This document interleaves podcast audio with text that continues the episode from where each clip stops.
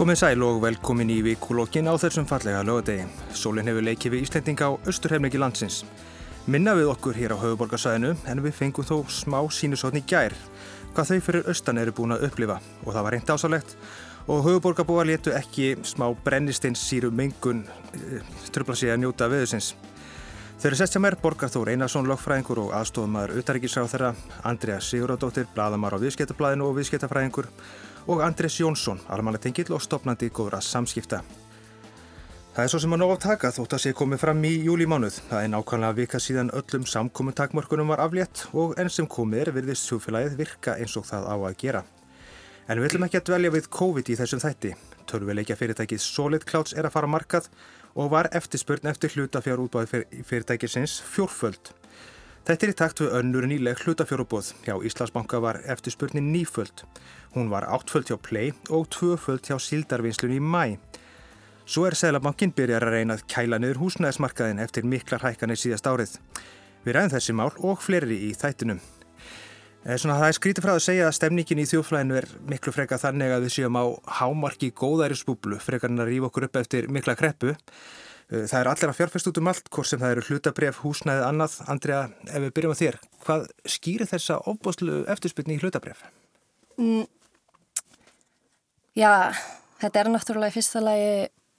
ólík, já, kreppa, við getum orðað þannig frá því sem við munum eftir síðast og hún hefur ekki haft þessi áhrif á hlutabrefmarkaðin eins og gerði þarna 2008. Um, ég hugsa að það séu alveg nokkrir samverkandi þættir sem að hafa leitt til þessa og ég hugsa stór þáttur í því var þessi stemning sem að myndaðist í kringum hlutafjárútbóð Æslandir þarna á sín tíma. Það voru held ég hvað um 9000 hlutafar sem að koma inn og þetta hefur svona held ég ákveðin keðiverkandi áhrif að fólk fer svona hugsa um þetta og þetta var vel hefnað og þá skapast meiri stemning fyrir þá næsta útbóðin og það er góð þáttaka þar og það gengur vel og þetta er, já, það er svona ákveð stemning í gangi en hún er mjög jákvæð. Uh, Borgar, uh, það var nýföld eftirspunni hluta fyrir útbóð Íslandsbóka, þá fór umræðan að stað þetta var bara að gefis peningar. Uh, Var verið að gefa bankan? Það held ég nú ekki. Aðalatriði var að, að opna aðkoma almennings að bankanum. Og þetta það var nú því var nú haldið fram sko að þetta var ekki rétti tíminn til að selja bankana því að það fengist ekkert fyrir hann og svo framvegist, það var nú, það var nú kannski frekar umræðan og að ríkja þetta halda uh, áfram á þessum eignan hlut en sko mér finnst eiginlega eftirspöldin eftir brífum í Íslandsbanka fyrirsjámanleg ég held að þú veist, uh, fólk bara kaupir svoleiðis bríf það sem að mér finnst merkilegast í öllu þessu þessum útbóðum sem að núna hafa verið í gangi að, og þetta eru mjög ólík útbóð Það er að segja að við erum með uh, tröst fjármálafyrirtæki, ef svo má segja, þar sem að ríki er áfram eigandi að tveimur þrýðu, við erum með rótgróið sjávoröldisfyrirtæki, við erum með uh, flugfélag sem að nánast sko er uh, ríkis flugfélagið og svo erum við með Solid Clouds. Og ég held að það útbóð sem þú nefnir að það sé fjórföld eftirspurn eftir brefum þar, fjórföld eftirspurn almennings eftir brefum í törfuleikja fyrirtæki það undistrykar og sínir og vekum manni bjart sínum að við séum mögulega núna loksins á réttri leið með að skjóta fleiri stóðum undir efnaðarslífið. Að hugverkaðinaðurinn er sannarlega komin og er orðin þessi fjóruða stóð sem við höfum alltaf stemtað eða undanferðin misseri að hann verði og uh, þannig að ég held að þetta, þetta útbóði í Solid Clouds uh, undistrykki það. Uh, það er svo sem skiljalegt að Íslandsbanki og Sildavislan, þetta eru svona tvö rókurófi fyrirtæki með miklar eignir, svo er hins vegar með tölvuleikja fyrirtæki sem hefur giðið út eitt leik og mm. menn veit ekki alveg hverja stefnir. Uh, við erum með Play, flugfélag sem á nánast engar eignir, uh, hefur flóið innan við tíu flugferðir en það er samt áttvöld eftirspunni eftir tí flugfélagi.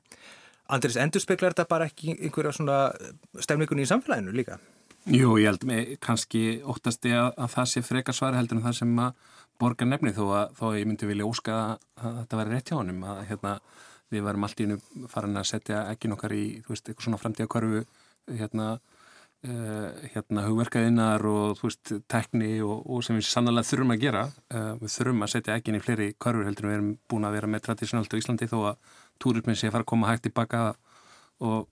sjáarutum sveiblast eins og hann sveiblast þá, þá þurfum við álega svona einhver leiti búið að jafna sig tímabundi en til langstíma ekki, einhver framtíðar karfa en ég held frekar þetta setja merki sem eins og þú segir, Minna, við veitum ekkert mikið um þessi fyrirtæki uh, Play og, og Solid Clouds. Ég, meina, við, ég veit ekki hversu vel fólk gætt kynnt sér, það gætt sjálfsagt kynnt sér en hversu vel kynnti sér það er umvölulega hvað er á hérna, mikið að uh, hvað er að bagja á allir með þessar fyrirtækja. Uh, hérna, þannig að ég held sér frekar við séum einhver svona ástandi það sem að það er svona tömlega spjarsinni og það er mikill aðgangur óduru fjármagni og þetta, þú veist, maður heyrir að því að fólk sem er að reyna hérna, búist í nýtt eldús, það fær ekki eldúsundíkunni fyrir nettir eh, marga mánuði, eh, veist, það er að hérna, uppselt alls konar hérna, önnur gæði, eh, hjólísi, hérna, einhver svona fjórhjól sem kosta eina hóla miljón hérna, sem þú getur leikið til þess að þrissur ári eða átti sömbústa, eitthvað þau eru uppselt og einn kunningi minn spurði mig hvernar mannst eftir ástandi sem var eins og þetta? Og ég svaraði árið 2006 veist, og við getum fært að yfir í húsnæðismarka en það sem að veist, fólk er að hérna, eh, berjast um yfirbjöð okkar íbúðir sem að suma hverju eru ekki tselja kannski söluvænlegar eignir eh, hérna, á slæmum staðsetningum eða, og, og eins og þessi síðasta íbúðin sem verður til sölu og ég var að tala við arkitekt í vikunni sem var að segja bara heyrðu, það verður að segja við ungd fólk sem er að vil búa miðsvæðis í, í borgina það er að koma fleiri íbúðir. Veist, ef þú býður í tvö ár þá eru nokkri stóri uppbyggingarittir það sem er að koma minni íbúðir. Þannig að það verða aðra íbúðir og það er svona einhver svona yfirkesslu stemning en vini minn þessi, eða kunni ekki, hann spurði mig á móti já, annarkvært erum við á toppi einhverjum svona góðaris hérna, bólu sem springur eða kannski erum við bara norður sem var náttúrulega talfanlegt Já, ég, ef ég má aðeins bæta við bara að því að uh, mér finnst sko ekki ég er ekki sammalandri sem með uh, þau tíðindi sem felast í þessu hlutifjörðútbóði hérna Solid Clouds vegna þess að og jú, jú, það er, það er greinlega til staðar kaupgeta almennings. Vi, við sjáum það á öllum útbóðum en við þurfum ekki nefn að horfa á, á hagtölu síðasta árs til að sjá að hugverka yðnaðurinn uh, hann, hann sem sagt það er hann sem að línar höggið af niðursveiflunum sem var á síðast ári. Túrismin brást sjáratvörin held sínu álið damlaði líka en það er hugverkaðinaðurinn og, og vöxturinn í honum sem, og útrúðinsteikina sem að hérna, samfélagi hefur af hugverkaðinaðinum sem í raun og veru línar höggið í fyrra og fram á þetta ár og ég held að, að útbóði í, í Solid Clouds, það, það, náttúrulega, það undistrykar náttúrulega tiltrú almennings á þessum nýja viðnaði á Íslandi. Andrið, það var einn viðbörði á hlutabæri markaði sem kannski svona vakti aðtekli, það var að hlutabriði Eimskip tók að rjúka upp. Mm -hmm. Það gerist á sama tíma og það er tilkynntu það að fyrirtæki er að fá á sig stærstu sekt sem nokkur fyrirtæki hefur fengið fyrir samkynningslagabrót sem mm. kannski hljómar ekki mjög raugrætt. Hvað skýrir það? Um, markaðurinn held ég hafi bara tekið vel í þessa sátt vegna þess innfallega að hún er, það, þetta var betri staða heldur en þið hefði ekki gert hana. Óvissan sem hefði fyllt í kjölfæri þarna eftir bara komin með málalokk uh, og staða ymskipa, ymskips segi ég, þau vilja láta tala um félagi hérna eintölu, að hérna, ég hugsa að hún sé að markaðurinn tólkar þess að hún er sterkari með því að hafa náð þessari sátt heldur en ef þetta hefði leið í lausulofti áfram og enginn hefði vitað hvernig hefði getið endað. Þannig að ég held að, að það sé, en, en þessar gríðarlega miklu hækkanir komið mér verulega óvart og hversu lengi, eða svona, þar ég heldur áfram, sko. Hlutabræðamarkan allir heilt bara á þessu ári hefur hækkað um, eða tökum úrvalsvísi stölna um 27% og bara sístu 12 manni 57% tæfla þannig að, veist, og það kemur kannski inn í þessu umræði líka með Íslandsbanka, Eh, vissulega var ekkur afsláttur hérna en svo hefur markaðinu verið að hækka almennt. Og, og hérna þannig að þessi e, þú veist það að vera á hlutabræðamarkaði það hefur verið hérna ábútasamt að undanfjöldnu og raunar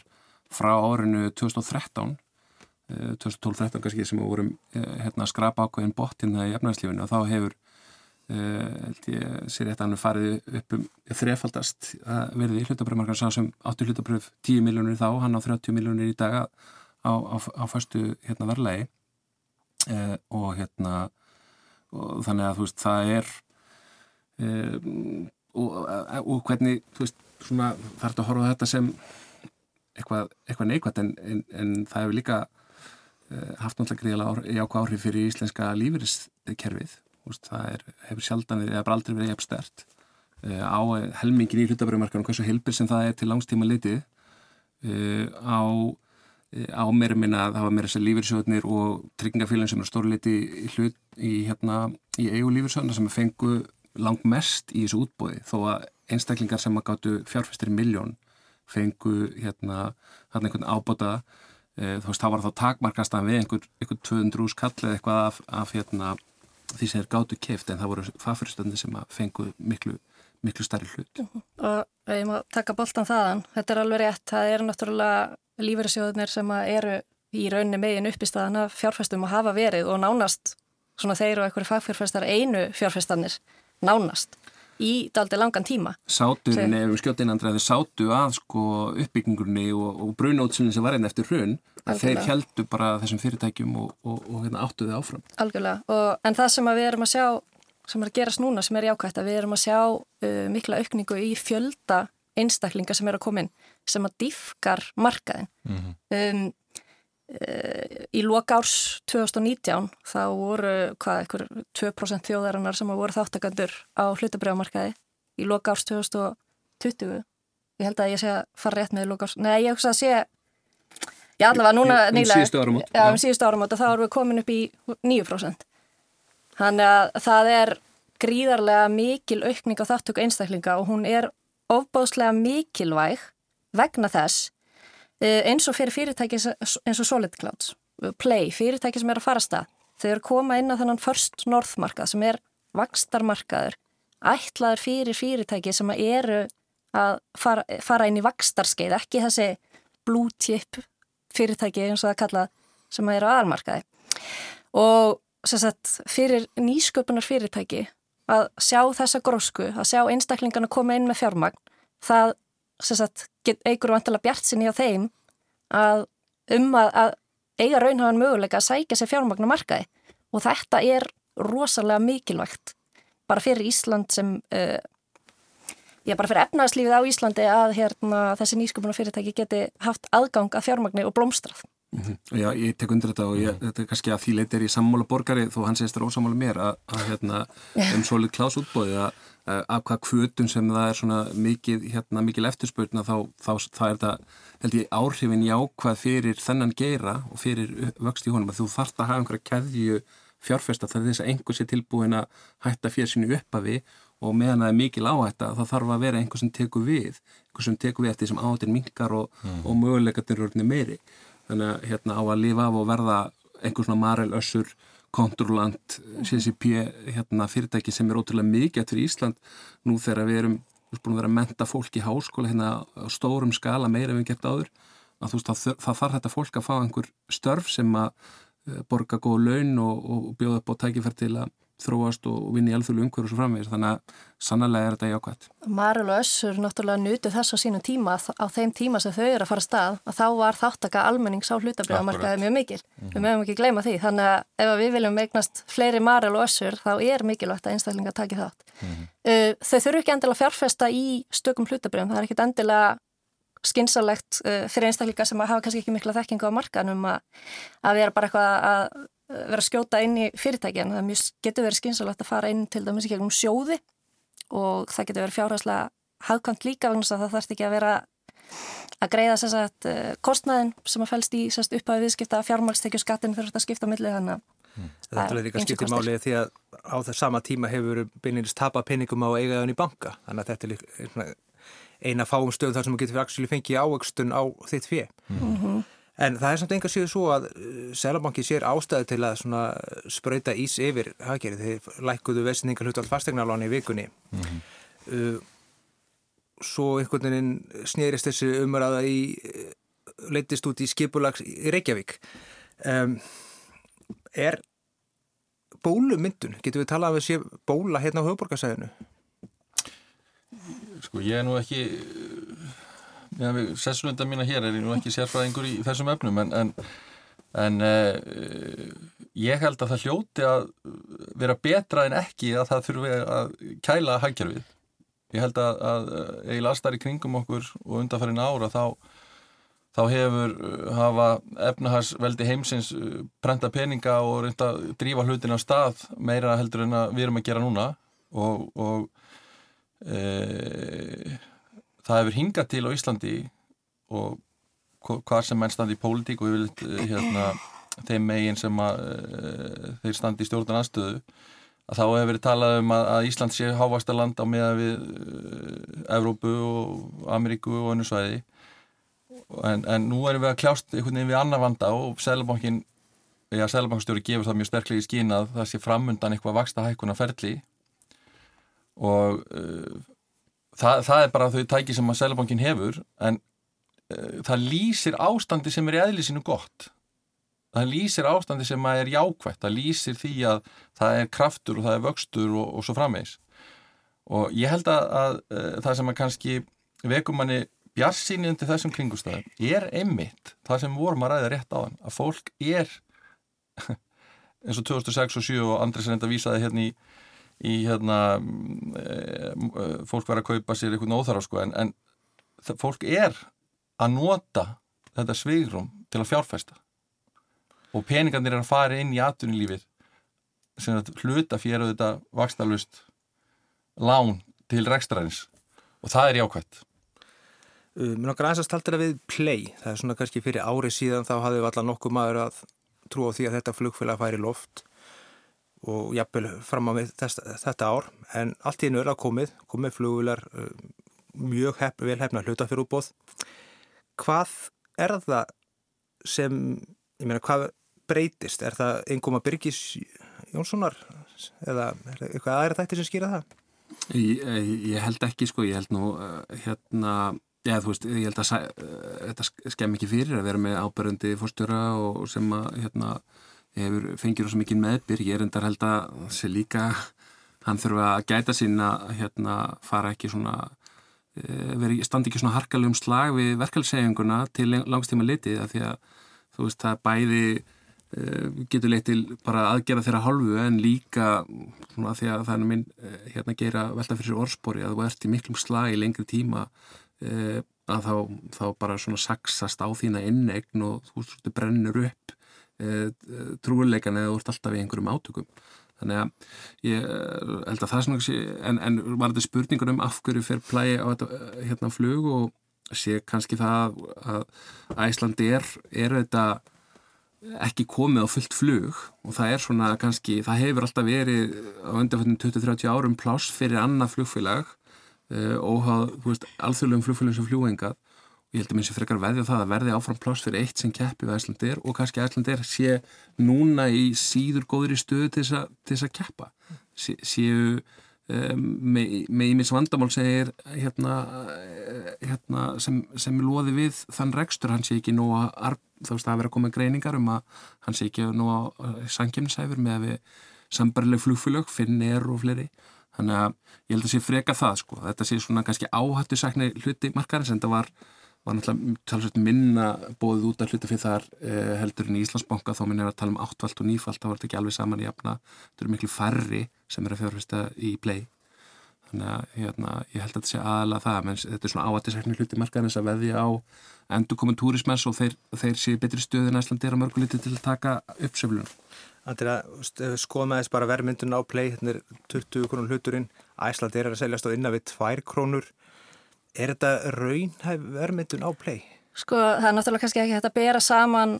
krónu múti krónu vegna þess að þú ert með ákveði markasverði og svo ert með ákveðin fjölda hluta. Þannig að ef að það er uh, miklu meira markasverði hjá Æsland er og svo miklu fleiri hlutir að þá ertu bara að bera saman tvær jöfnur sem að hérna er ekki samanbyrðarhæfa sko. En varandi það sem að hérna Andris var að segja með play, mér langar að, hérna, að koma inn á það hérna uh, í fyrsta lagi uh,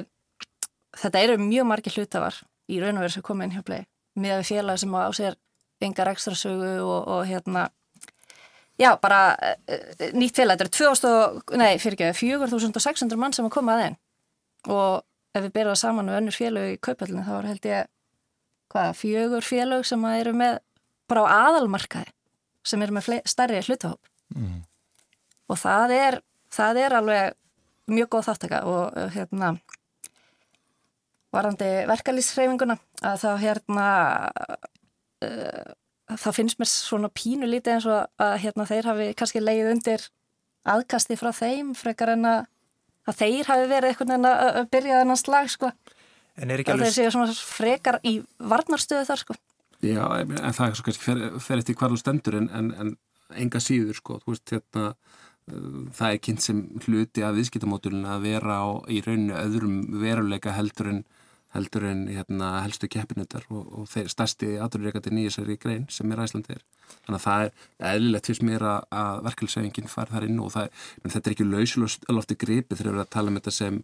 gullt stéttafélag. Það, það verist að vera stopnað í einhverju stuðningi við vá á sín tíma og er núna að einhverjum skilju í stuðningi við þetta félag þannig að þetta er svona, þetta er ekki hefðböndi verkefælsfélag sem þeir eru að semja við þannig að mér finnst það nú bara eðlert en, en mér finnst ekki viðeandi eins og, og play gerði að tala um að drífa sig að kaupa miða og fara svona að gera grína nafni hérna að fórseta þessi þannig að ég bara segja ég, ég stiði þetta félag hérna og við viljum fá sangefnarna á marka en, en ég held að það verða að gerast í sátt í samfélagi eins og öllu önnu fyrirtækið í Íslandi. Að sjálfsög, en uh, að fyrir verkefælisreifingun að koma síðan fram með bara rángfærslur í sínum málflutningi gagvart félaginu. Að, það sko, er ekki, það finnst mér ekki lægi, þeir hafa ekki eins og leir eftir. Þetta hýttur að vera ákveð, þetta er bara reysastúrt, skilur, bara svona prómál fyrir verkefælisreifinguna því að út ára þeirra sjónaröfni eða gengur upp að eitthvað fyrirtæki stopnir sitt eigi stjættafélag og það er þrjí menn á skristofun sem búið til kjærasamning og engin greiðir aðkvæðumann þetta hlýtur að vera svolítið bara þetta er bara plat. Já, þetta hlýtur að vera svolítið bara svona prómál fyrir verkefnisegum Mér, mér hefur þetta vist sko að því að tala um að, að pleysi að slástu verkefniseguna mér hefur sínst sko þessir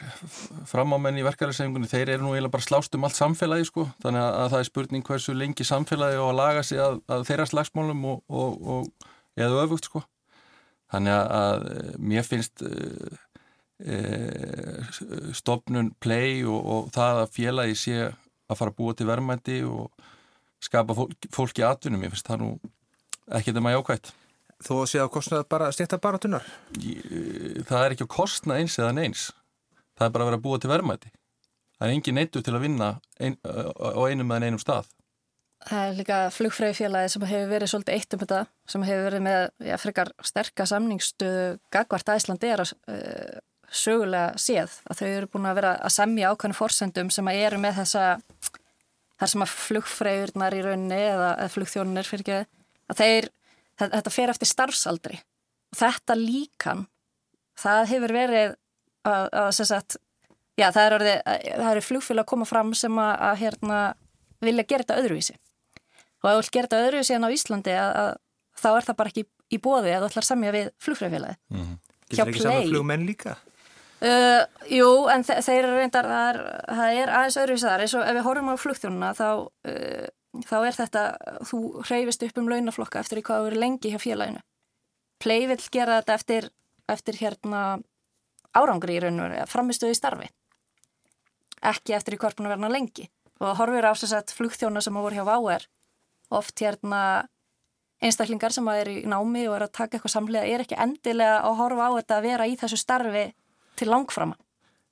og en það er líka, það er líka að tala um bara að launin séu undir lámarks viðmið það er ekki rétt.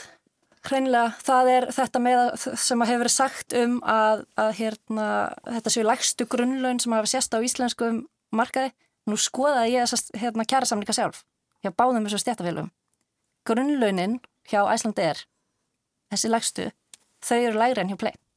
Þetta gengur svolítið ekki alveg upp sko að því að þetta er hluta við skittamódulinu, þetta er hluta af sangjumsforskotinu sangat þeirra eigin fjárfyrstekyningum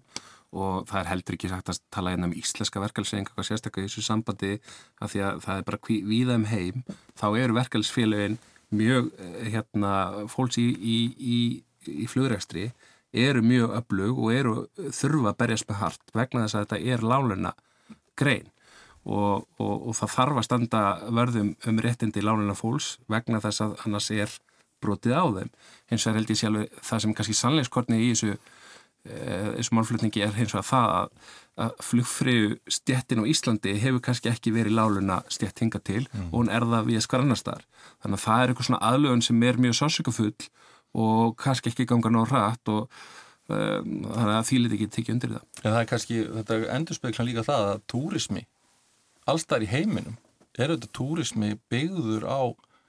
litlum launakostna það hefur ekkert uh, ríkið engin þjóð í heiminum brotist til efna eða, eða hagnast eða efnast verulega á því að byggja allt sitt á túrisma. Og þannig hefum við Íslandingar auðvitað lítið á túrismin á að vera hrein sko viðbót við allt annað sem við erum að gera. Við, við, við, við síndi sér núna í koronufaraldrinum að, að, að þetta kemur, þetta er bara svo makrilling, þetta syndir inn og út. Og, og við getum ekki byggt á þessu. Þetta er mjög gott ef þetta kemur en við getum ekki byggt á þessu. Þetta er bara sem fjárfæstíkar í hlutabrjöfum að þú vilt uh, dreifa áhættinu og vilt mm. hafa mörg, uh, margar eggjakörfur Akkurat, um, ætlum að þess að skipta með mér efni, um, ætlum að fara í pólitíkina, það eru innan við þrín mánuði til kostninga Og það kom ný könnun frá Gallup í vikunni, uh, sínir kannski í sjálf og sér litla breytingar en þó að píratar bæta vissi 2% stögum á meðan samfélkingin tapar tveimur. Uh, Megnið að kjörtímplunum er samfélkingin búin að vera svona í 15-19% en bara frá byrjun ás hefur fylgi flokksins húra niður og er núna komið undir 10%. Maður lítur að spyrja sig, já, hvað veldur, Andrea? Um, ég hugsa að innri átök í flokknum séu að skila sér út af við. Uh, allt í tengslum við þetta prófkjör sem var hjá þeim, uh, nei ekki prófkjör, hvað kallast þetta? Skoðanakönnun, uh, ég veit ekki hvernig ég orða á þessum listum þar sem að hérna grásrótin uh, uppskar ekki,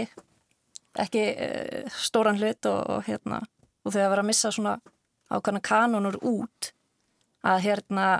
ef að flokkurinn getur ekki unnið saman, eða fólki í flokknu getur ekki unnið saman inn á við, þá tapar flokkurinn trúerðuleika út af við. Hvernig ætlar þessi flokkur að, að hérna, vinna með öðrum þar? Simutur Davíð Gunnlaugsson saði einhvern veginn um daginn að já, það væri allir flokkar í dag orðnið samfélingin nema miðflokkurinn en samt vil lengi kaupa, kaupa upprunlega vöruna, Andris, það er eitthvað til því? Já, hún hérna kæftu um ratastótt hérna satt á munn um, þannig að, jú, ég meni, ég held að það, það er eitt, ef maður sumar út og er sængjan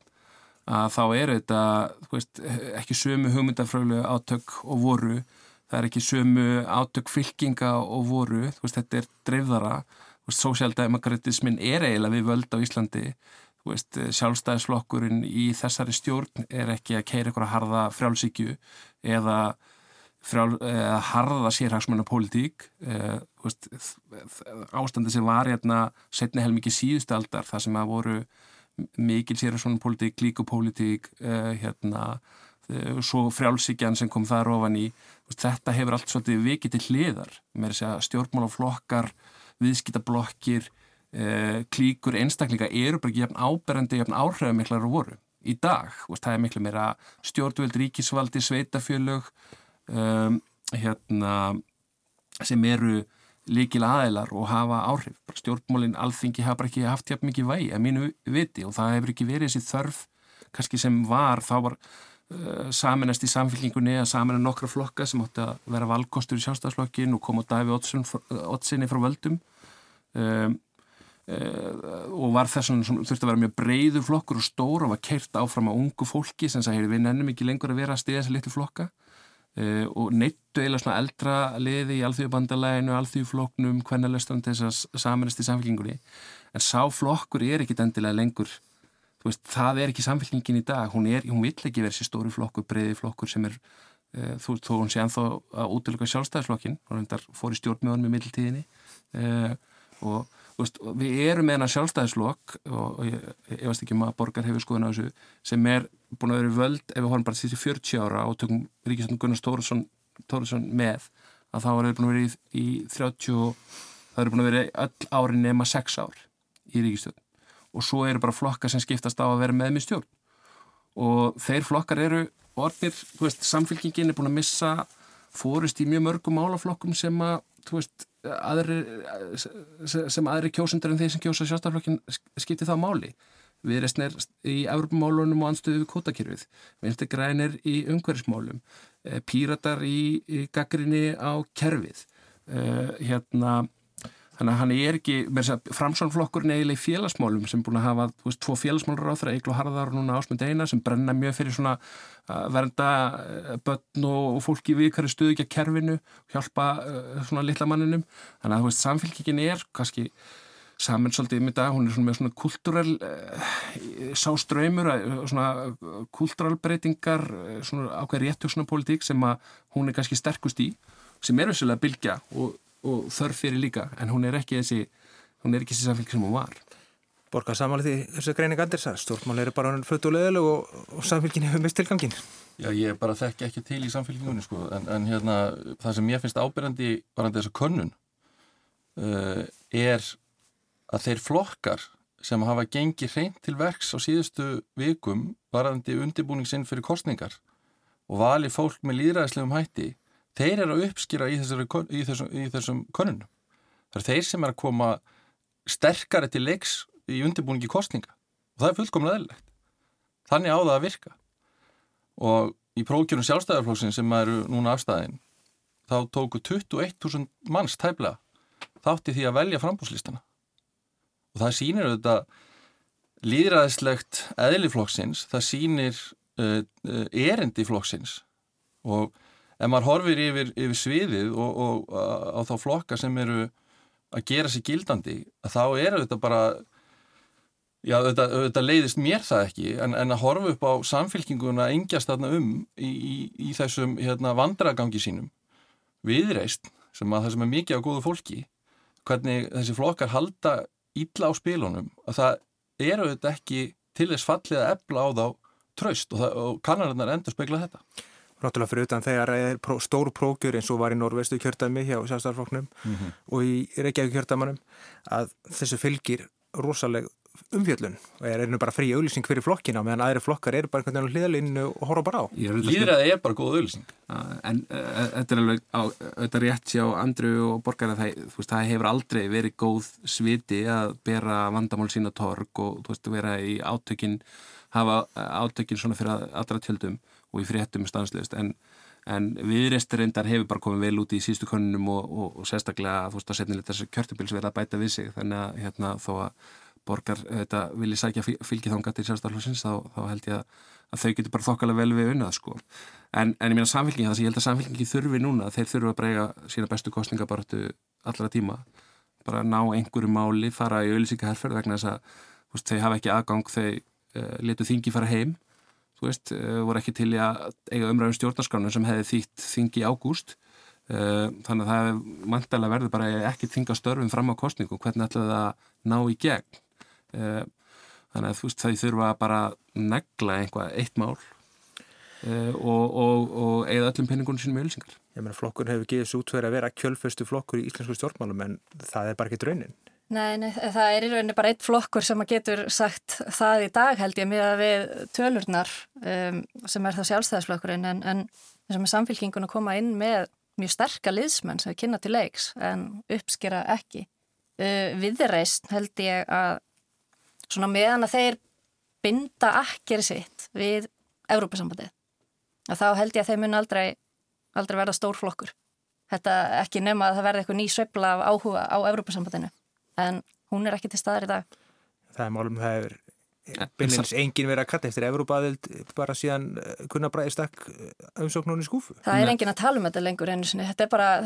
fólk hefur ekki áhuga á þessu málefni og þau eru alltaf að tönglast á þessu og ég held að það, það sé ekki hjálpa og ef eitthvað er að þá er þetta frekar svona, þau eru með svona, ég skoða stefniskrána þeirra, þau eru með rosalega mikið af góðum málum á stefniskráni en það eina sem að fólk heyrir einhvern veginn um sem kemst ekki um háaðan er einhvern veginn þetta Európa-samband. Það hefði ekki svona rosalega mikið vægi að þá held ég að það myndi ganga betur, hreinlega. Ég held reyndar að rými betur við stefnu uh, sko viðræstnar, bæði sko stefna viðræstnar er ekki að vera stórflokkur, stefna viðræstnar er að vera uh, cirka 10-15% flokkur sem er oft í ríkistjóð Þetta hefur einn helsti hugmyndafræðingur flóksins fyrirhundi formaði sjálfstæðarflöðsins Þorstein Pálsson sagt og skrifað um. Þannig að ég held að það sé kannski ekki alveg mikið ágefni fyrir þá þó að Európa-sambandi sé vissulega ekki á dagskrá eins og það var. Eh, en ég held að vandin sé meiri fyrir samfélkinguna þar sem að Európa-sambands umræðan var svo dogmatísk að hún hættast núast um hvað varum að fá með Európa-sambands aðald heldur bara aðald vegna aðald, aðaldarinnar eh, vegna og viðrist þó allan að getur tengt við eh, svona eh, ákveðin prinsipmálum um hérna eh, um hérna opnara samfélag eh, hérna almanæðismika sem er enda samfélgingin stendur fyrir líka. En þetta hefur svona mér finnst það ekki erfitt mál fyrir viðrisn eins og það er fyrir samfélkinguna Európa Samhansmáli En þess að segja nefnir þarna gaka sérhagsmunum bara svo sagði þér áðan, það er ekkert lengur það sem er í gangi í íslensku stjórnmálum, þannig að já, já, þessi þarna er bara verið að tönglast á einhverju, einhverju gamalli sögu sem að bara á ekki við í dag þannig að þú ert einhvern veginn að berjast við vindmillur með því að vera að segjast einhvern veginn vera flokkurinn sem að stendur gegn sérhagsmunum, þannig að veist, það er engi flokkur sem að stendur með þeim. Mm. Viðrist er þetta stopnuð klopningurinn gerist vegna ágreinings innan sjálfstæðarflóksins um spurningunum aðild. Og uh, það er að segja þetta upphaf og þessi tilgangur og, og í raun og veru til, tilveru forsenda viðristnar þeir get ekki, viðrist getur ekki flúið hana. Hún setur uppi með þennan stopp tilgangsinn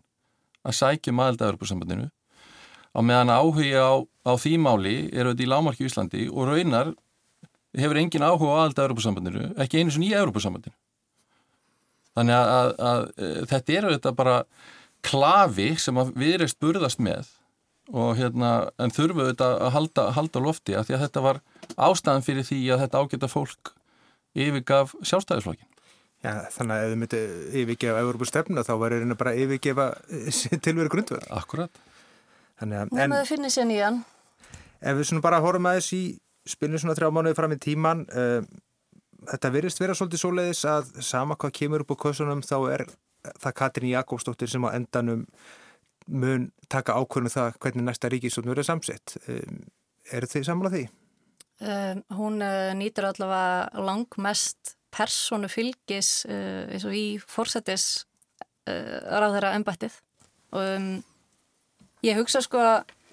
í þessu samfélagi sem við búum í núna, þar sem að pólitískar skoðanir eru mjög drefðar. Það er engin ábyrrandi hægri,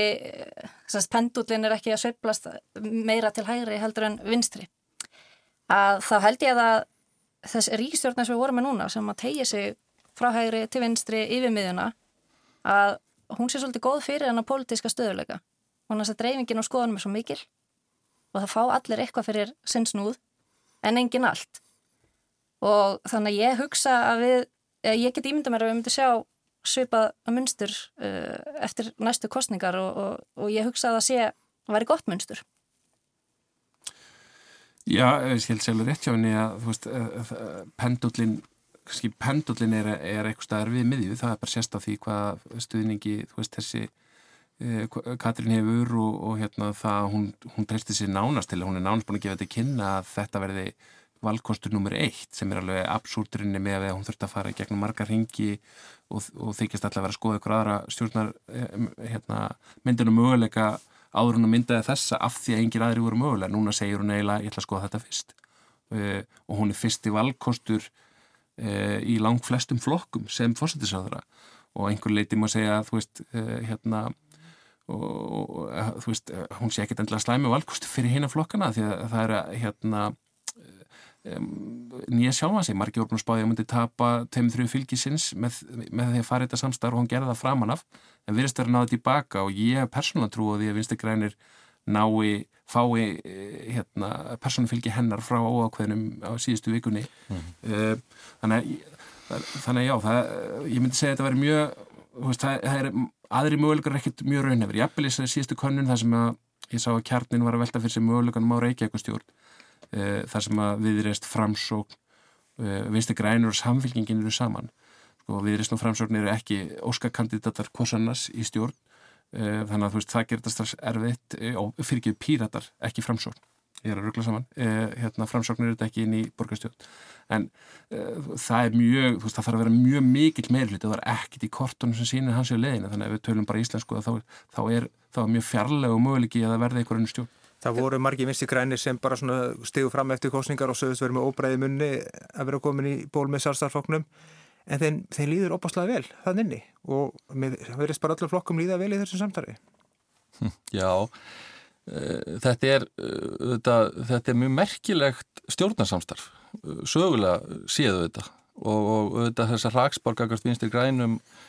Við munum nú hérna því að við vorum að tala um verkæliseyfingun á þann, það er heistrengingar sem að fórustum maður uh, ASI viðhafði gagvart uh,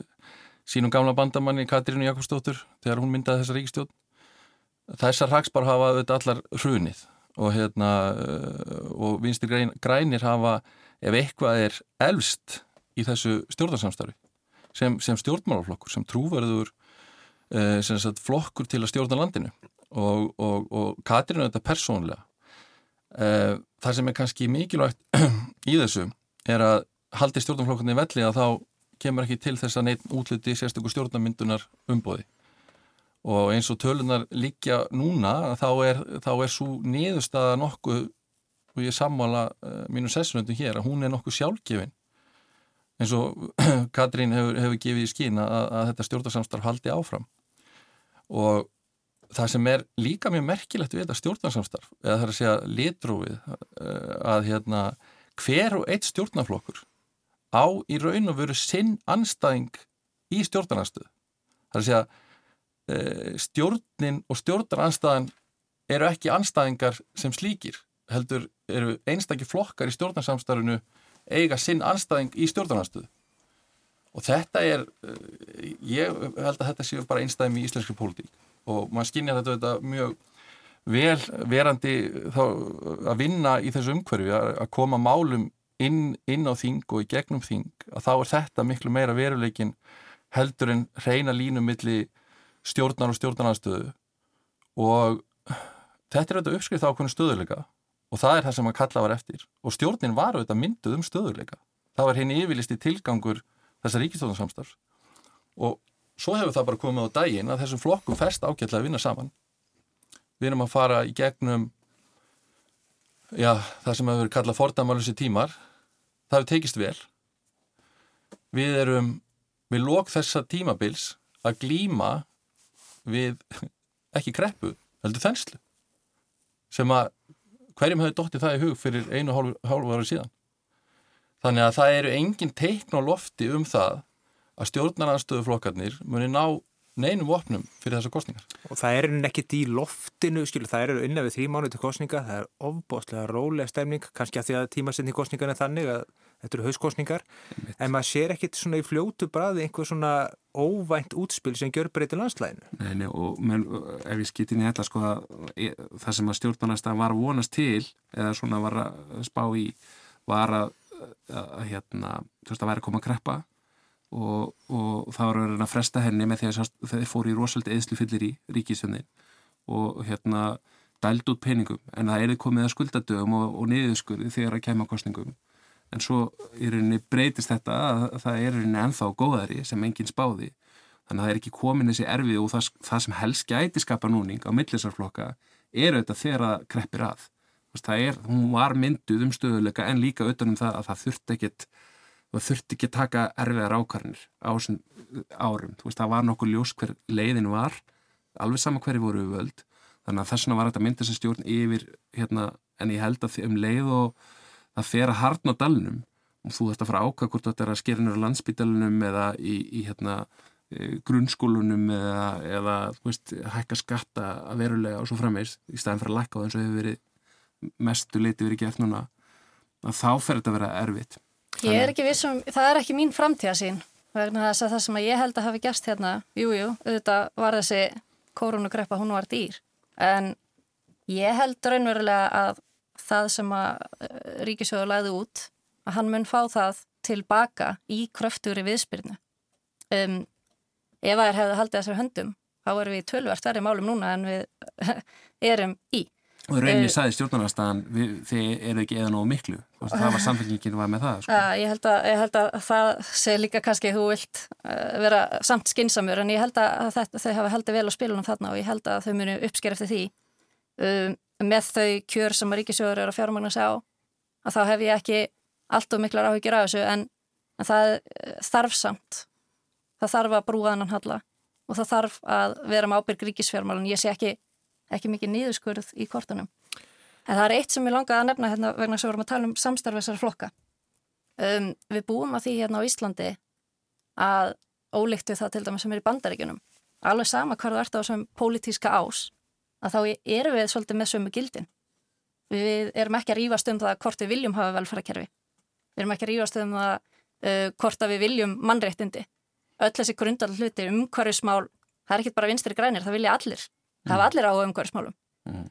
við erum ekki að uh, við erum ekki með ágræningu uppi á milli flokkana hvert við viljum fara. Við erum með ágræningu uppi hvernig við viljum komast ángað og það gerir það verkum að þessi flokkar sem eru á vinstur og hægri ás þeir geta unnið saman, þeir geta fundið einhverja leið sem að, að þessu markmiði að eiga einna gott samfélag uh,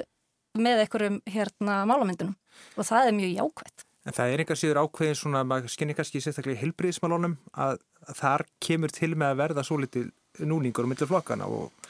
sjálfstæðismenn hafa einmitt gaggrind þess að ríkisvæðingastefnu helbriðisar á þeirra. Mm -hmm. Gæti það blossað upp fyrir kostningar? Já, það er mjög erfitt mál í sjálfstæðisflokknum,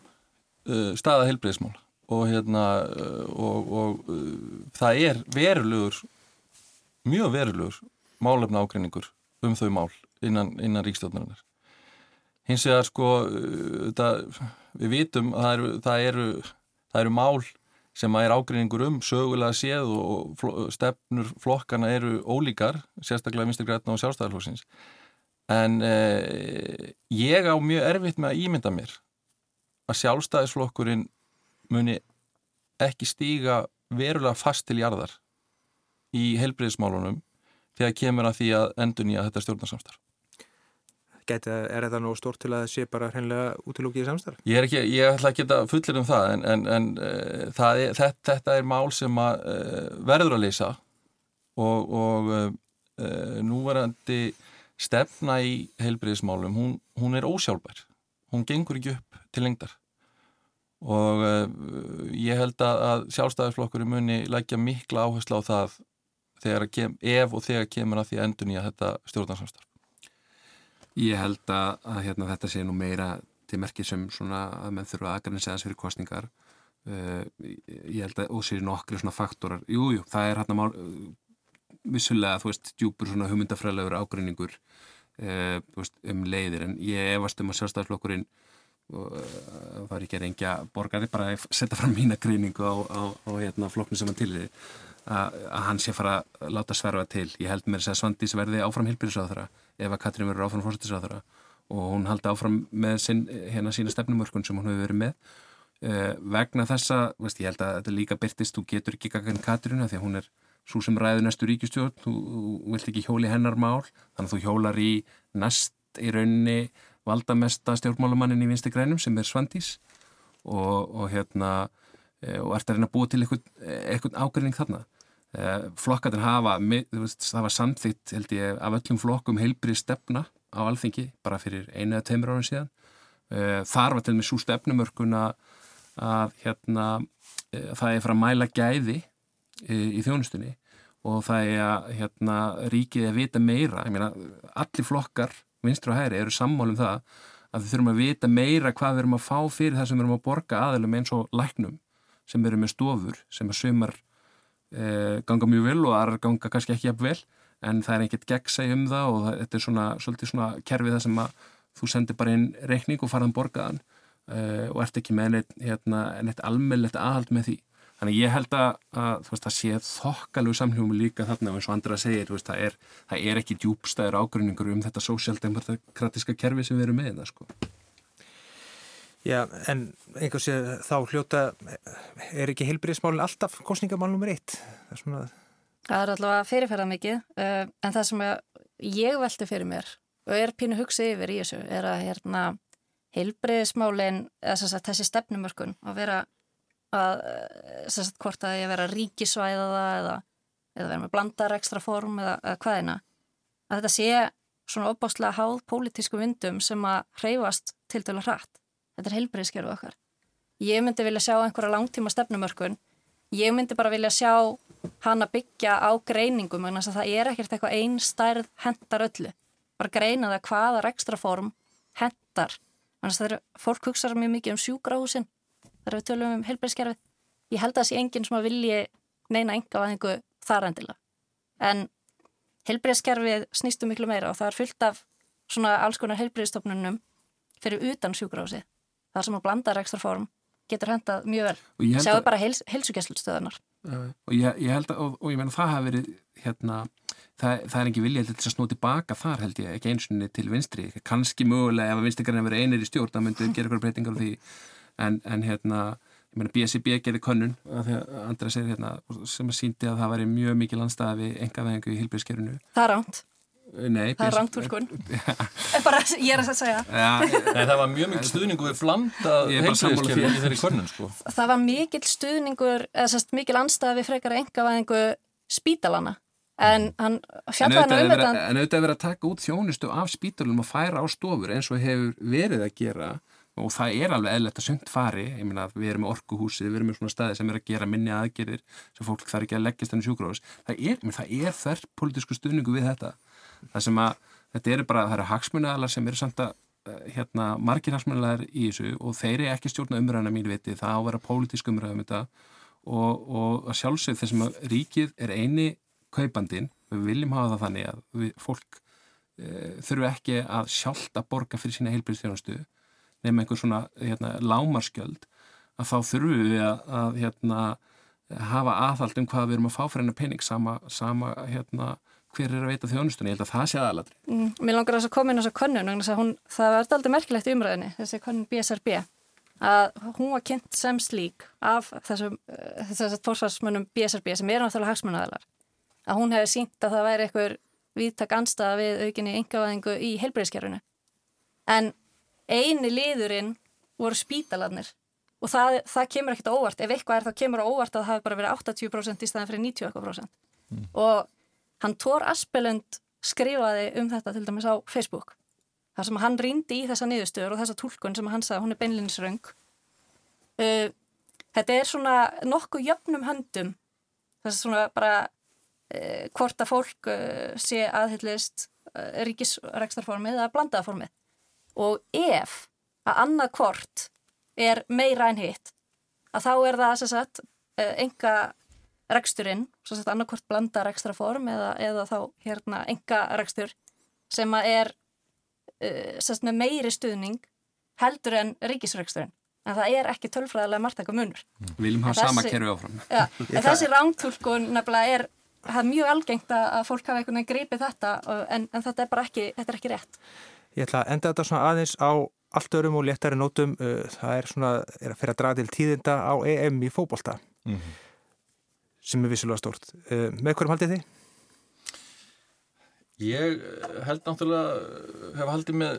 frökkum alveg frá því að, að síðan létt til sín taka aðna 2006 og, og létt tilfinningarna ráða í úslita leiknum. Þá hef ég svona fyllt heima málum og sá rosalega eftir þeim þó að mér hafi þótt gama líka að sjá svissarana eiga þess að frábæra endur komu en, en úr því sem komið er að þá heldur maður þetta með dönum Andris Þú út að koma heim eins og englítingarnir segja. Það væri auðvitað visslega gaman og hérna uh, en ég horfði á ítælinni gær uh, og hérna og þeir spilið bara svo flottan bolta. Þetta var svo áferðafallegur uh, fótbolti og ég er búin að vera svona í ásturs hatur sambandi við fótbolta. Ég fekk of mikið af hann í COVID. Þeir tóku sér ekki svona sumar því og svo þetta mót og bara allt og mikið ennskum bolta og leikir öllum dögum og svona og þetta er orðið svo, það er alltaf svo útreiknað það er búin að reikna allt, mann gefa bara tilbaka heyrðu, nei, 90% tilfellega ef maður gefur hérna þá, veist, þetta er orðið svo þreytt stundum að horfa á fókbalta hann er svo fyrirsjáanlegur einhvern veginn finnst mann og, og svona velrætt þannig að þegar maður sér svona leiki og, og þegar mann er aðeins meiri listamenn þá kann ég metta þannig að Ítalir ég er svona soft spot fyrir þeim. Andrið að þið töfbáls lið, kemni Ég held með Sviss þannig að ég ætli að ferja mikið yfir til Danmarkur núna en ég, ég get tekið undir það sem hann segir með fókbóltan. Ég er náttúrulega spilaði fókbólta og mér er mjög gaman að spila fókbólta en uh, aðtiklisspani mitt að horfa á leiki 90 mínútur þar sem er jafnvel ekki skora mark að hérna, það er ekki til staðan ef þetta sé ykkur stórleikur. Þannig að ég er svona típan sem að veit mjög mikið en það er bara því að ég horfa alltaf á svona upprifinuna sem tekur 5 mínútur. Mm -hmm. Það er eiginlega skemmtilega að hlusta á hlaðverp þar sem hefur verið að bollalegja um fókbóltári upp einhverja gamlar hetir heldur en að horfa á fókbólta í dag. Já, það er nógu úrvalað þeim, það er allir með hlaðverp. Mhm. Þannig að, er svona bara rétt í lókin, hvernig ætlaði að verja þessari helgi? Ætlaði að njóta sólarinnar? Já, hvað varst að tala um hérna þetta brennisteins þetta, í upphafi? Ætlum að fara ekki í það í dag og svo fer maður út úr bænum á morgun? Mm. Við ætlum að elda sólina, fyrst hérna er einn skýrd, kona mín er prestur og, og hérna ég er á fylgifiskur og svo fyrir við upp í Reykjolt ætlum að vera eina nótt bara að elda sólina það er að vera heitast í borgarfyrði Já, eins og ég segja kannski á klæðabyrðið mínum þá er ég á leiðinni bara á fjall núna eftir þáttinn, um, en annars hafði ég sé fyrir mér að, nýta þetta uh, þessa helgi til þess að vinna daldi í garðinu mínum. Já, eru þið garðstörun líka? Nei, ég er alveg lausið það sko. Já, ég fylgist mín bara verða meiri órekt með hverjum deginum Ég er búin að ráða svona dreng sem að kemur og slæðir grasi fyrir mig, það er mikið lettir þannig að nú get ég bara einbyggt mér að,